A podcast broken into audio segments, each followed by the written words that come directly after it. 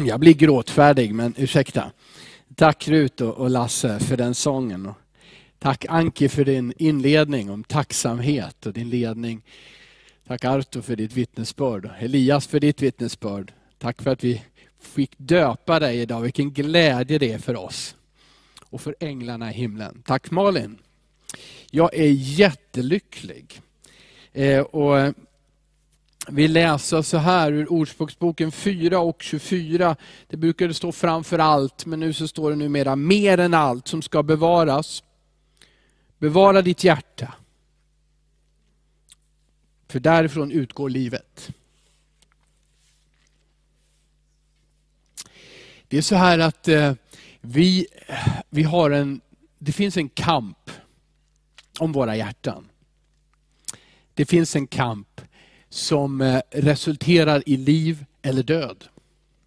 Det finns en kamp som, som där väldigt mycket handlar om vad som sker i tankarna. Om det vill jag tala idag. Framför allt, eller mer än allt, bevara ditt hjärta. Ty därifrån utgår livet. Det handlar mycket om vem som ska få din uppmärksamhet. Vem eller, eller vad till vad ger du din kraft? Till vad ger du din tid? Till vad ger du din tillbedjan?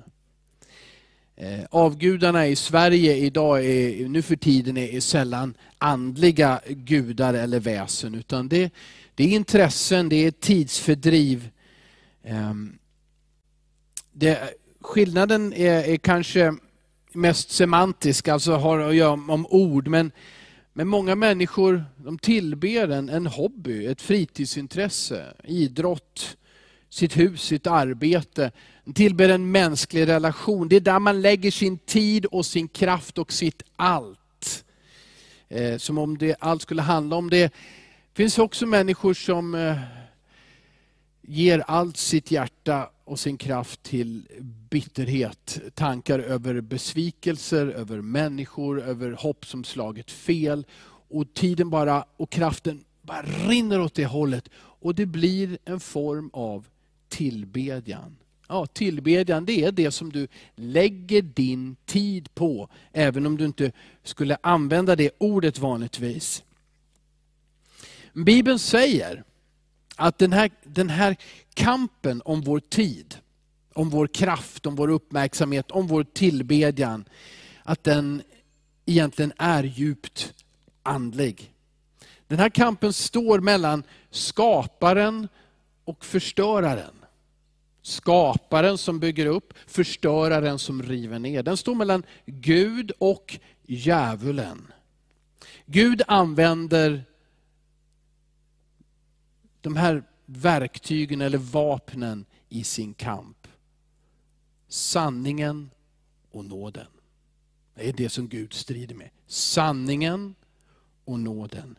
Djävulen, han använder lögnen. Och allt som ha, kommer i närheten utav lögnen. Han är lögnens fader. Han, det handlar om svarta och vita lögner. Det handlar om skönmåleri. Det handlar om skam, det handlar om skuld, det handlar om oförlåtelse.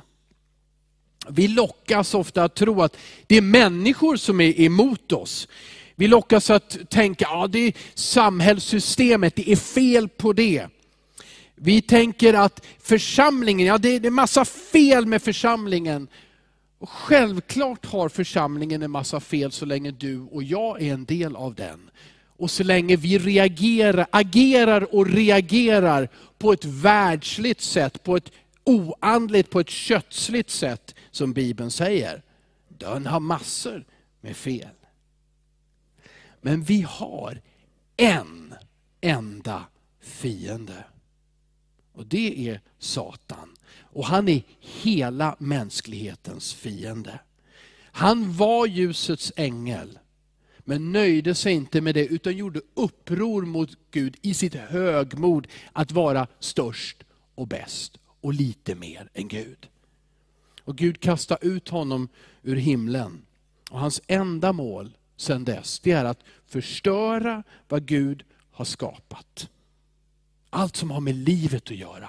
Allt som har med kärleken att göra. Allt som har med enheten att göra. Allt som har med framgång och välsignelse att göra. Det vill han förstöra och därför så ropar Ordspråksboken ut till oss. Framför allt ska du bevara ditt hjärta. Ty därifrån utgår livet.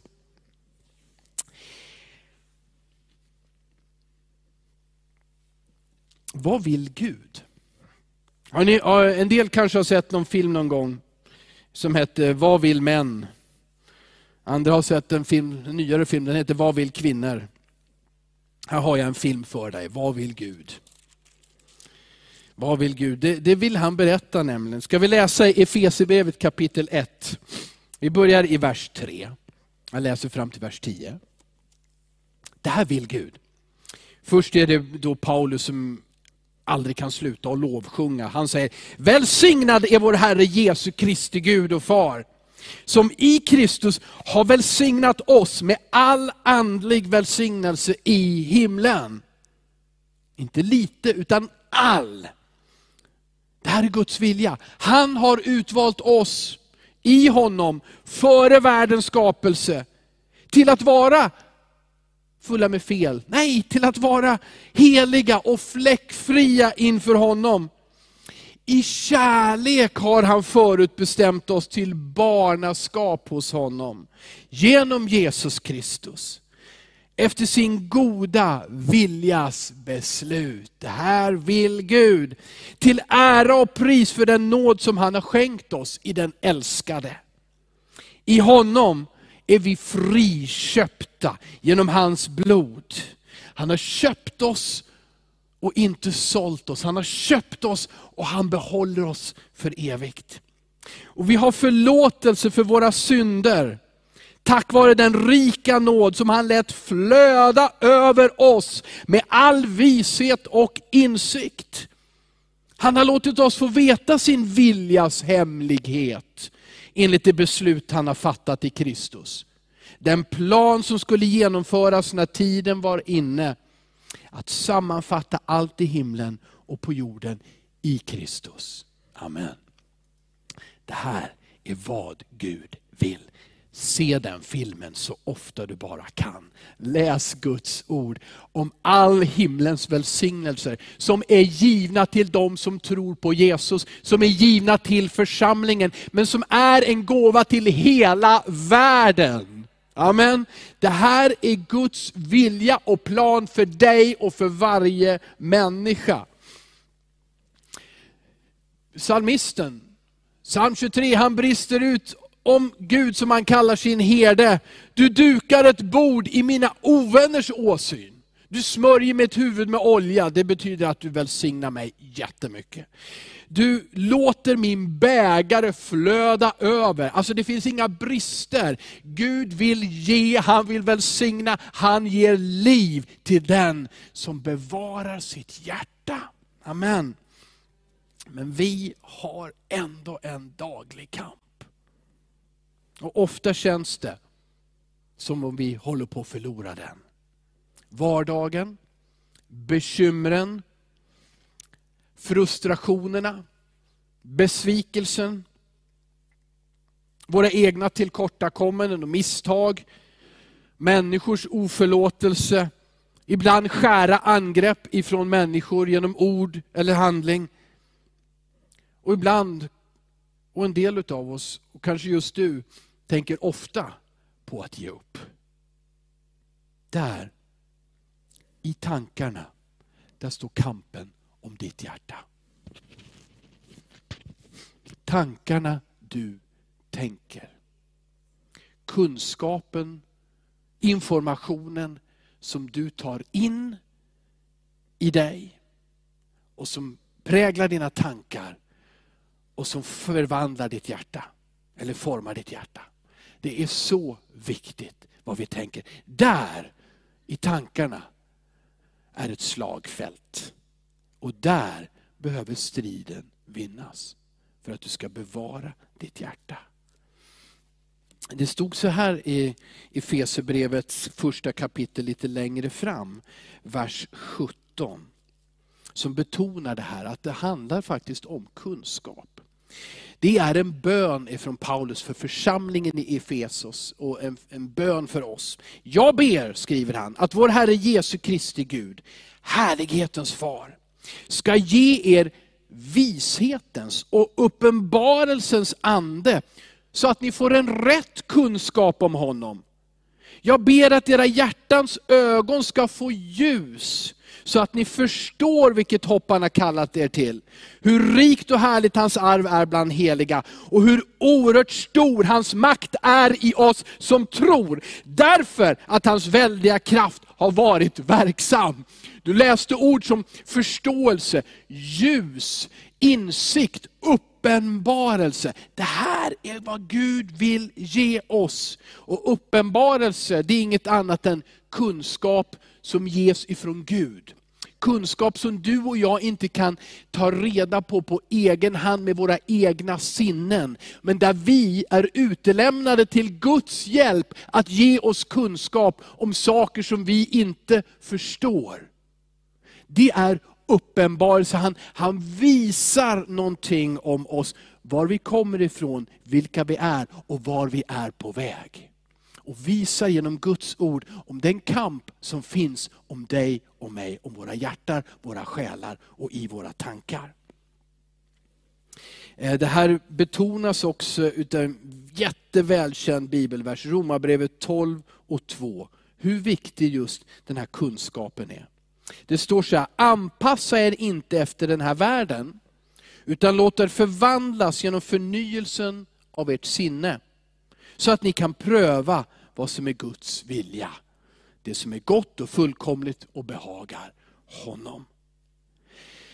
Det handlar om att vi, den här kunskapen, den, den förvandlar oss. När vi, vårt sinne blir förnyat, när våra tankar blir förnyade, då blir vi förvandlade. Och då får vi också svar på det som vi så ofta frågar. Vad är Guds vilja? Vad är rätt att göra i den här situationen? Ja, när du genom Guds kunskap, när du fyller ditt inre med kunskap ifrån Gud, då förvandlas ditt hjärta, då bevaras ditt hjärta. Då är det också viktigt att inte anpassa er efter den här världen efter den här världens värderingar och hur den här världen också väldigt ofta nedvärderar det som är Guds värderingar.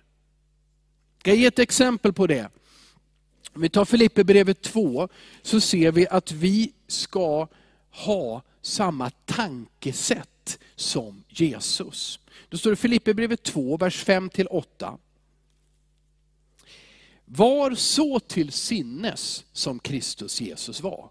Det vill säga, tänk sådana tankar, ha den inställning som Jesus hade.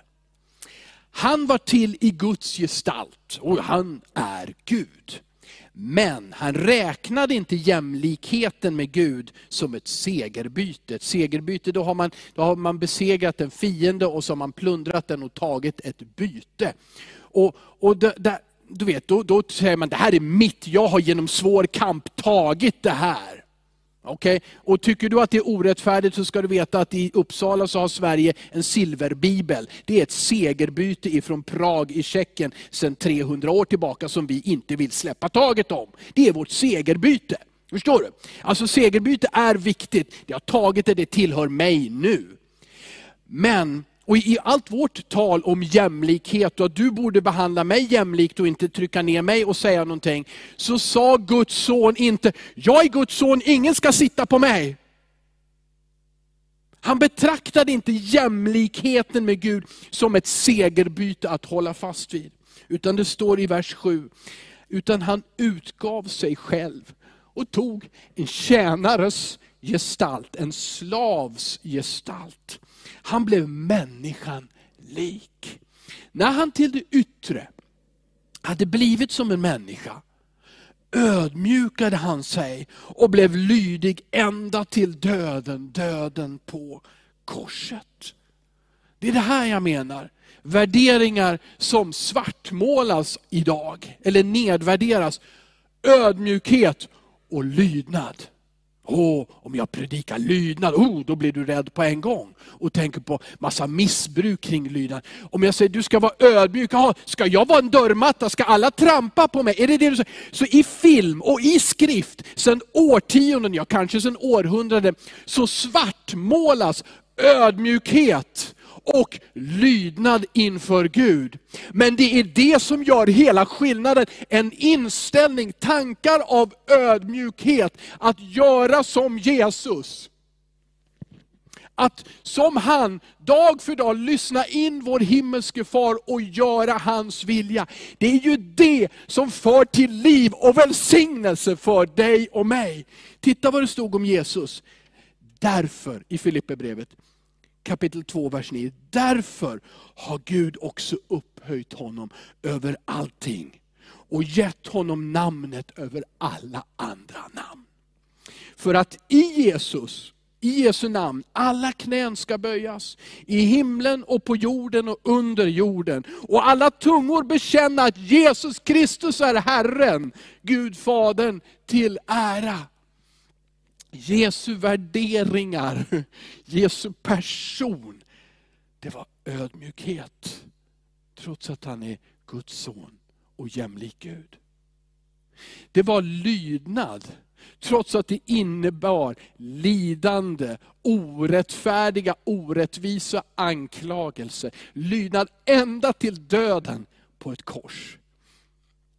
Men Gud är inte blind. Han är inte blind varken för det onda eller det goda. Och han såg kärleken i sin egen son. Hans ödmjukhet och hans lydnad. Och han har gjort namnet Jesus till det största namnet i hela universum och långt därutöver. Det största namnet någonsin är Jesu namn. Och det finns frälsning för dig. För dig som uttalar namnet Jesus. För dig som viskar namnet Jesus. För dig som tvivlar men ändå säger, Jesus finns du där för mig?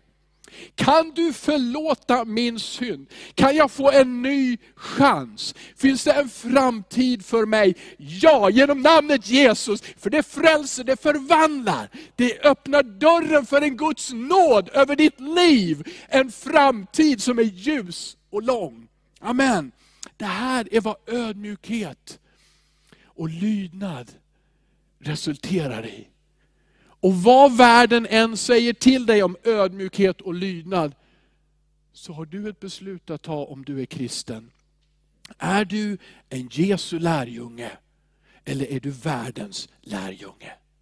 Anpassar du dig till världen? Fyller du dig ständigt med kunskap, information, genom film och film och film och Youtube, genom, genom det som sägs och sjungs och görs hela tiden massivt på radiokanal efter radiokanal, tv-station, Youtube, internet, fullt utav kunskap och information som säger, med ödmjukhet och lydnad kan du inte göra något speciellt. Eller är du en Jesu lärjunge som sätter dig vid Jesu fötter dag efter dag och säger, lär mig att göra din vilja. Jesus, jag vill vara som Johannes döparen, mindre av mig, mer av dig. Jesus, jag vill vara som Maria som sitter vid dina fötter, Jesus. Lär mig att inte stressa runt och göra det och det och det för dig, utan att lyssna in din vilja, ditt ord, din sanning. Det handlar om att bevara våra hjärtan, att fylla våra hjärtan med rätt kunskap, med den uppenbarelsekunskap som Gud ger. Och den öppnar dörren för all himlens välsignelse. Den öppnar dörren. För det är det vi läste i början. Gud har beslutat att välsigna dig. Gud själv har sagt, du är mitt barn. Det är Guds vilja att du ska få uppleva framgång och välsignelse, frid och glädje.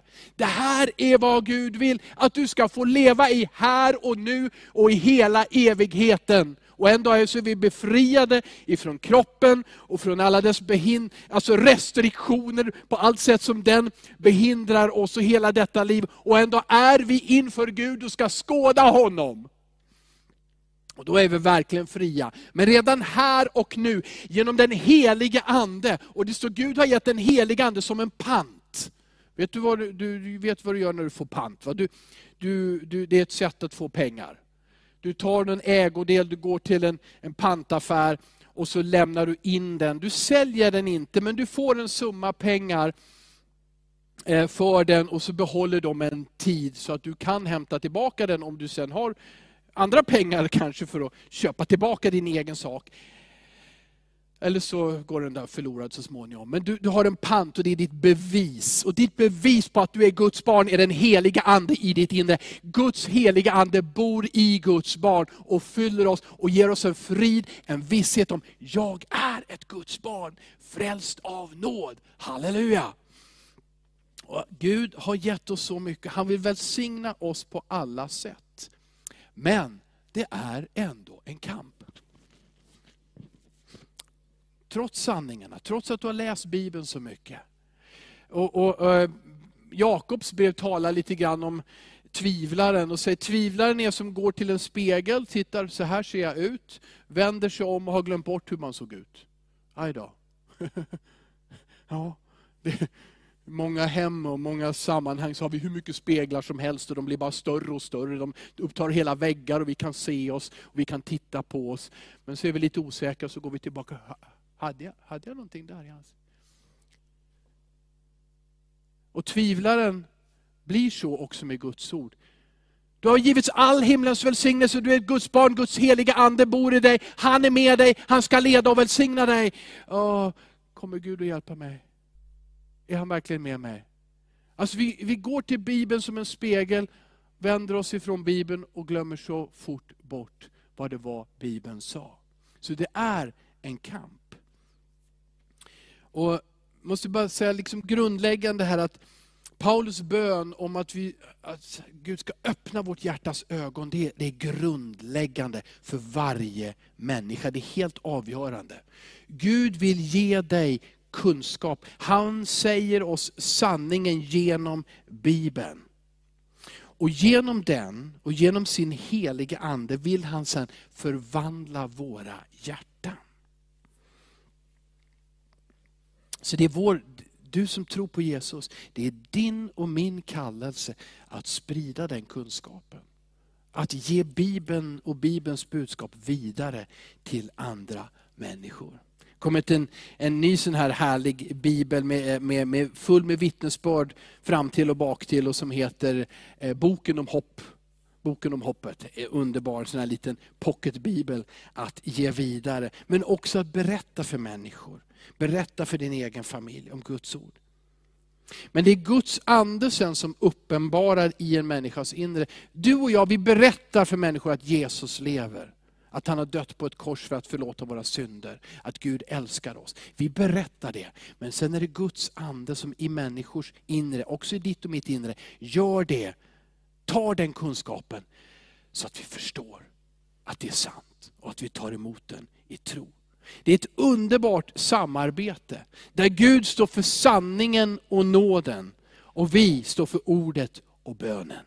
Okej? Okay? Ordet är ju utifrån sanningen, men det är Gud som har gett oss sanningen, och det är han som ger alla människor nåd.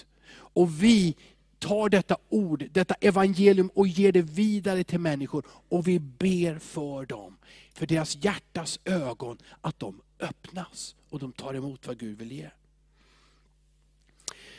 Men även då, det är i alla fall min erfarenhet, och jag kanske är, eller antagligen är, eller är, en svag kristen.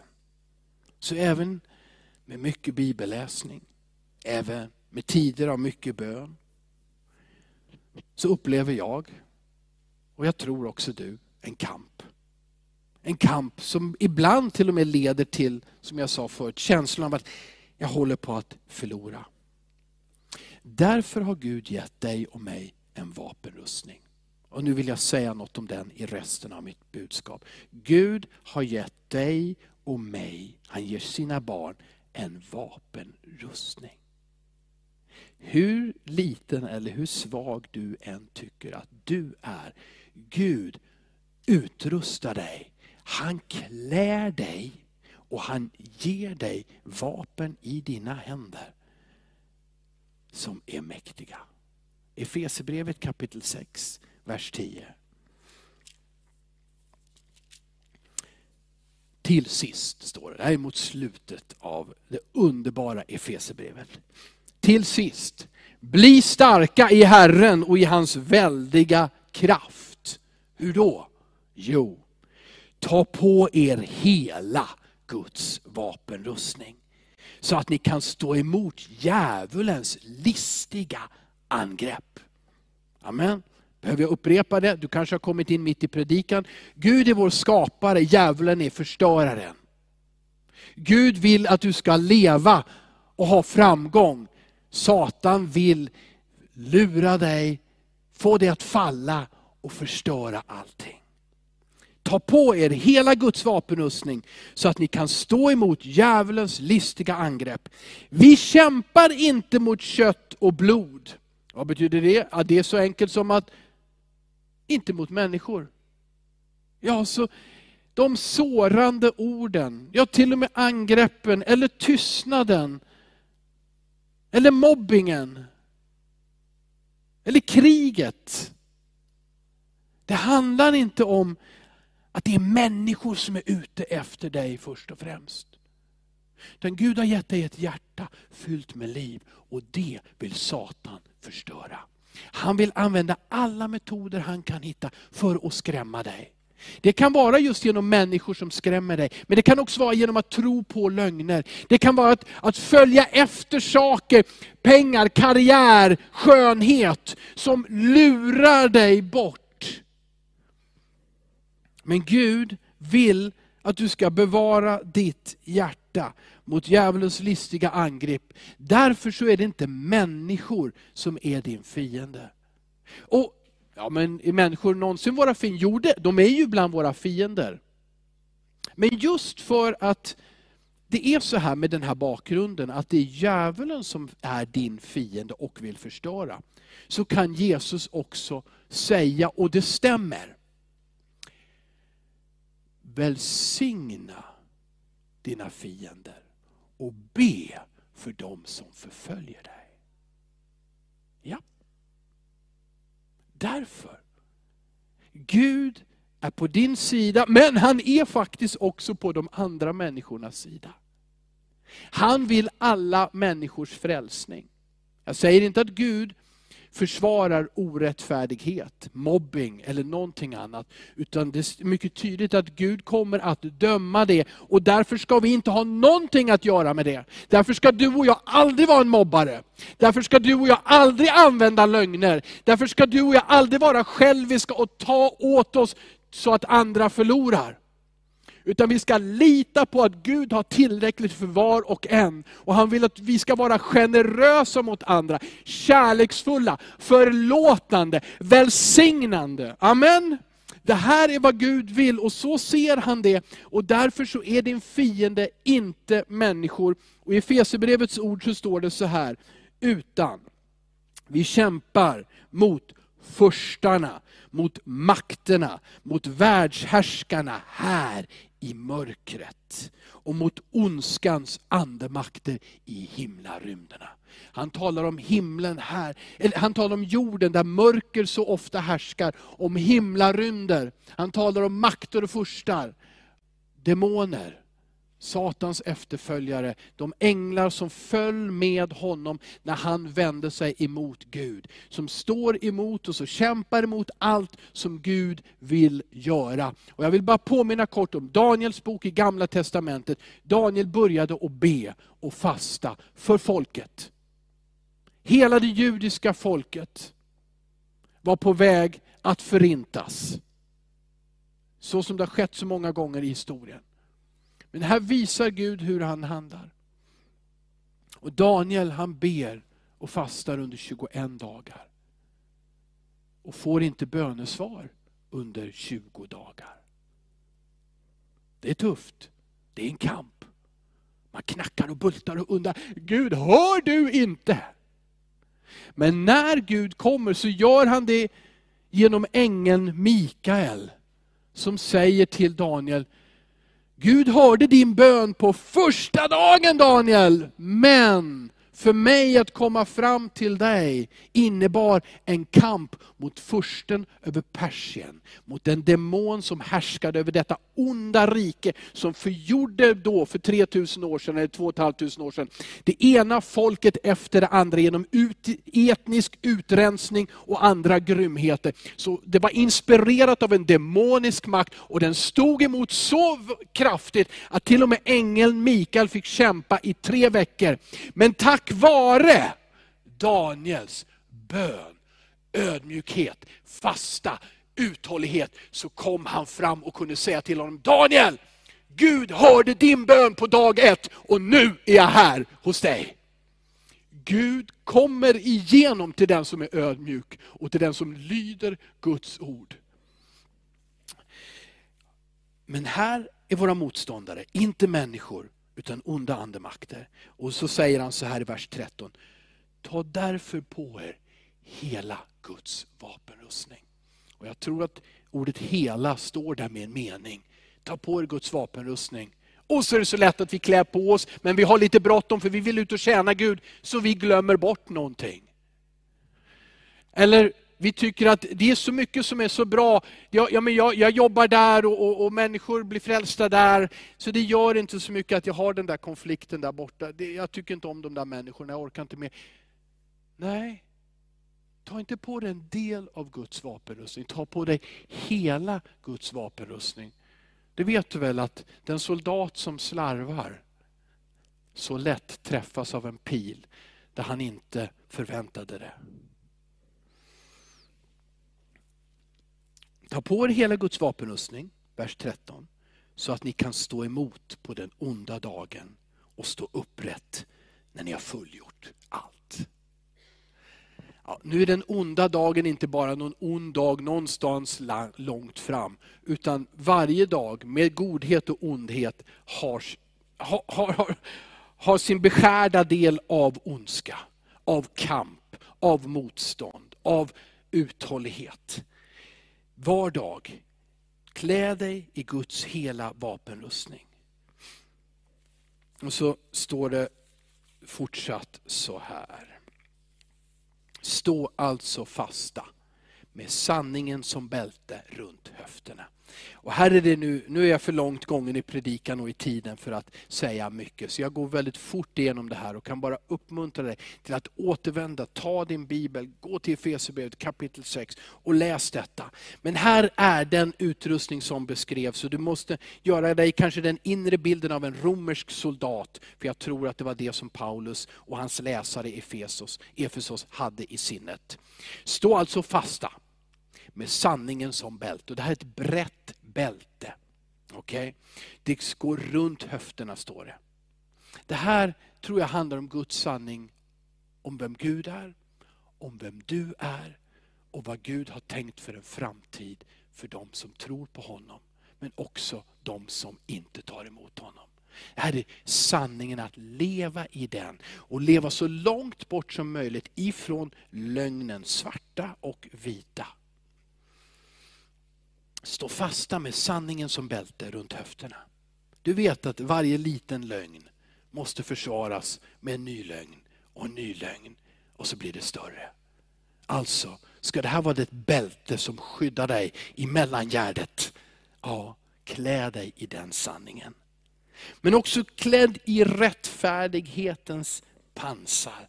Det här är den här underbara Eh, du vet, i, i, i, i, i, eh, nej, i maj, någonstans, någonstans under året, så gör vi en skattedeklaration. Deklarerar, jag har, jag har tjänat så här mycket och betalat så här mycket i skatt och det stämmer. Amen. Och så skriver vi under. All right? Numera skriver vi kanske under digitalt, då, så det är lite sådär. Eh, det är en deklaration. Och det, här, det här är Guds deklaration över dig, rättfärdighet. Och den är som ett pansar ogenomträngligt. Beskydda ditt hjärta. Hur blev du rättfärdig? Vad är rättfärdig? Rättfärdig, det är att Gud deklarerar, du har inga skulder. Du har inga skatteskulder att betala, du har inga syndaskulder, du har inga skulder. Du är okej, okay, du är helt rätt, du får vara frimodig när du kommer till mig, säger Gud. Det, alltså det är väl lite liknande med staten. Om jag har massa skatteskulder och framförallt om jag har gömt en del grejer och tagit det som inte tillhör mig, så är jag inte riktigt så frimodig när jag möter vem som helst som är statens tjänare. Jag talar lite tyst eller ingenting om sådana saker. Jag döljer det. Och så är det också inför Gud, med dåligt samvete, med skuld som tynger vårt hjärta.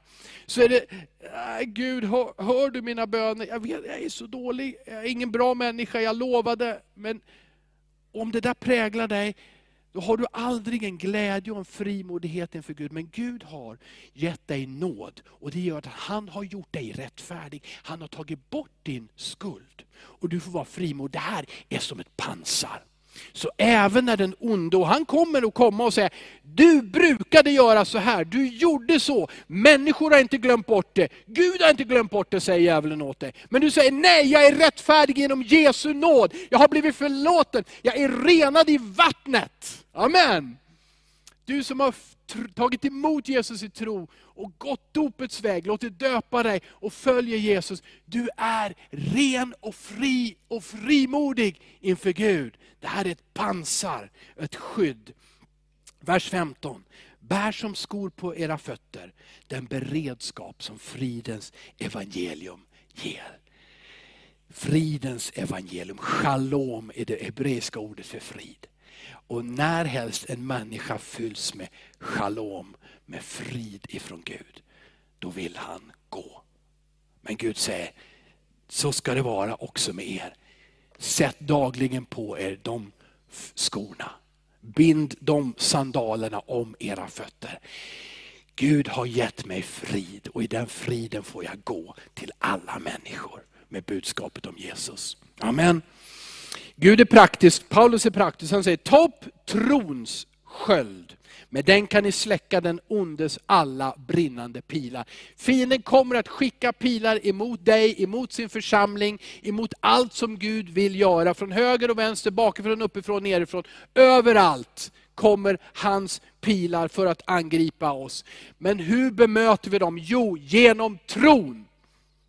Allt är möjligt för den som tror, säger Guds ord. Allt är möjligt för den som tror. Alla gåvor som du har fått, har du fått av Gud, inte för att du har förtjänat det eller arbetat för det, utan du har fått det för att du tror på Jesus, Guds son. Genom tron, och den tron blir din sköld. Så även om du vet, jag är lite svag, jag är lite otränad, jag har inte vittnat så många gånger, jag har gett upp tidigare. Men håll, släpp de det snacket och det tankesättet. Och tro på Jesus Kristus, det blir din sköld mot alla typer av attacker. Tro på Jesus, då är allt möjligt. Amen. Jag hoppas ni säger amen på andra sidan kameran. Det är väldigt, man får ju gå på här alltså. Och ändå så säger kameran ingenting. Eh, men ta till slut också emot frälsningens hjälm. Ser du, det handlar om tankar. Här. En hjälm har du på huvudet. Där sitter hjärnan. Där är tankarna. Där är ett slagfält. Sätt på dig frälsningens hjälm. Du är frälst av nåd och ett Guds barn. Klä dig med den kunskapen dag efter dag. Och så står det, och Andens svärd som är Guds ord. Här, löften i Bibeln, sanningar ifrån Bibeln. Se till att du läser det, fyller ditt sinne, låt det trilla ner i hjärtat. Och det blir ditt svärd. Du får inga andra vapen. Du får inga andra vapen. Du är inte kallad att angripa människor, du är inte kallad att angripa någonting annat heller. Följ Jesus Kristus, men han har gett dig ett svärd. Och med Guds löften, med Guds ord, så kan du hugga ner det som kommer emot dig. För att förstöra dig, för att ta ditt mod ifrån dig, för att förstöra dina relationer. Med Guds ord, med trons sköld, så kan du vinna seger. Amen. Och han avslutar så här, gör detta under ständig bön och åkallan och be alltid i anden. Ständig bön, konkret bön. Vi måste lära oss att be konkret. Inte bara, åh Gud välsigna, välsigna, välsigna. Nej, be konkret. Ja, får jag göra det? Ja, men be, är, är jag högmodig om jag ber konkret? Nej, men be konkret, säg vad du behöver, säg vad du ser. Och säg det inte som ett gnäll till andra människor, utan säg det till Gud, inför Gud, konkret, frimodigt. Gör det ständigt och åkalla Gud. Lovsjung honom och som Anki sa i den underbara inledningen, tacka Gud. Det är din seger. Be, men, men fyll dig själv med lovsång och med tack till Gud. Amen. Och så står det, var därför vakna och håll ut i bön för alla de heliga. Det är så att Gud kallar dig till att inte främst be för dig själv. Gud hjälp mig, jag behöver mera pengar, jag behöver vara gladare. Jag behöver bättre väder, jag behöver nya kläder. Eh, jag vill ha mera mat och lite mera mat och lite mera mat. Gud kallar dig, Guds ord kallar dig och mig att be för alla kristna över hela världen. Börja i din egen församling. Be för dina syskon, men be för dem långt borta. Be för de förföljda kristna. Be för de länder som vi arbetar i och de länder vi ännu inte arbetar i med att sprida Guds kärlek, mat, sjukvård och Guds ord. Be, var med och be. Be, detta är vår kallelse. Har du aldrig varit på ett bönemöte, då undrar jag, var har du varit? För här står det att du ska be för alla de heliga. Ja, eller har du aldrig gått ner på knä hemma och bett för andra människor? Har du låtit fokuset vara på dig? Vänd bort ifrån dig. Gud har lovat att ta hand om dig. Var därför vakna, håll ut i bön för alla de heliga. Be också för mig, skriver Paulus. Den stora aposteln vill ha förbön från församlingen i Efesus. Be att ordet ges mig när jag öppnar min mun, så att jag frimodigt förkunnar evangeliets hemlighet, för vilken jag är en ambassadör i bojor. Han satt i fängelse när han skrev detta brev. Be att jag talar så öppet och fritt som jag bör. Paulus var ålagd massor med restriktioner. Men han ville, han ville tala fritt och frimodigt. Inför soldater, inför domare, inför de som höll honom fången. Ville han vara frimodig. Han bad om församlingens förbön. Låt oss be för pastorer, låt oss be för predikanter, låt oss be för missionärer, låt oss be för profeter, låt oss be för apostlar, låt oss be för alla människor som tjänar honom där ute. Och så är det alltid någon som kommer att be för dig också. Och så blir vi välsignade. Och så kan vi stå, som det stod, upprätt när ni har fullgjort allt. Vi kan stå emot på den onda dagen och vi kan stå upprätt när vi har fullgjort allt. Bevara ditt hjärta, för därifrån utgår livet. Amen. Fader i himlen, jag ber att din helige Ande ska bekräfta det som är Guds ord jag vet att din ande kan rensa bort eventuella världsliga eller felaktiga tankar ifrån mig och låta Guds ord beröra och fylla hjärtan. Herre, jag vet att du har talat till många idag. Och jag ber nu Herre, att du ska göra underbara under i deras liv. Jag ber för den som vill ta emot Jesus i sitt liv. Jag ber Herre om din frid, om hjälp att våga öppna dörren, hjärtats dörr, helt och hållet nu. Jag ber för den som, som inte kan förlåta men som vill förlåta. Jag ber om gudomlig hjälp att uttala förlåtelse och välsignelse över ovänner och fiender i Jesu namn. Jag ber för den som säger, jag är Guds barn men jag tycker inte om mig själv, jag är så ful och jag är så dålig. Jag ber för den Jesus Kristus, att idag inför dig kunna säga, tack för att jag är skapad vacker. Tack för att jag har fått gåvor. Och tack framför allt att du älskar mig som jag är. Hjälp den människan genom din heliga Ande att nu ta emot din kärlek på ett nytt och djupare och ett livsförvandlande sätt. Jag ber för mig och för oss alla, hjälp oss att ta till oss ditt ord. Att vandra i ödmjukhet och i lydnad mot dig dag efter dag. I Jesu namn. Amen.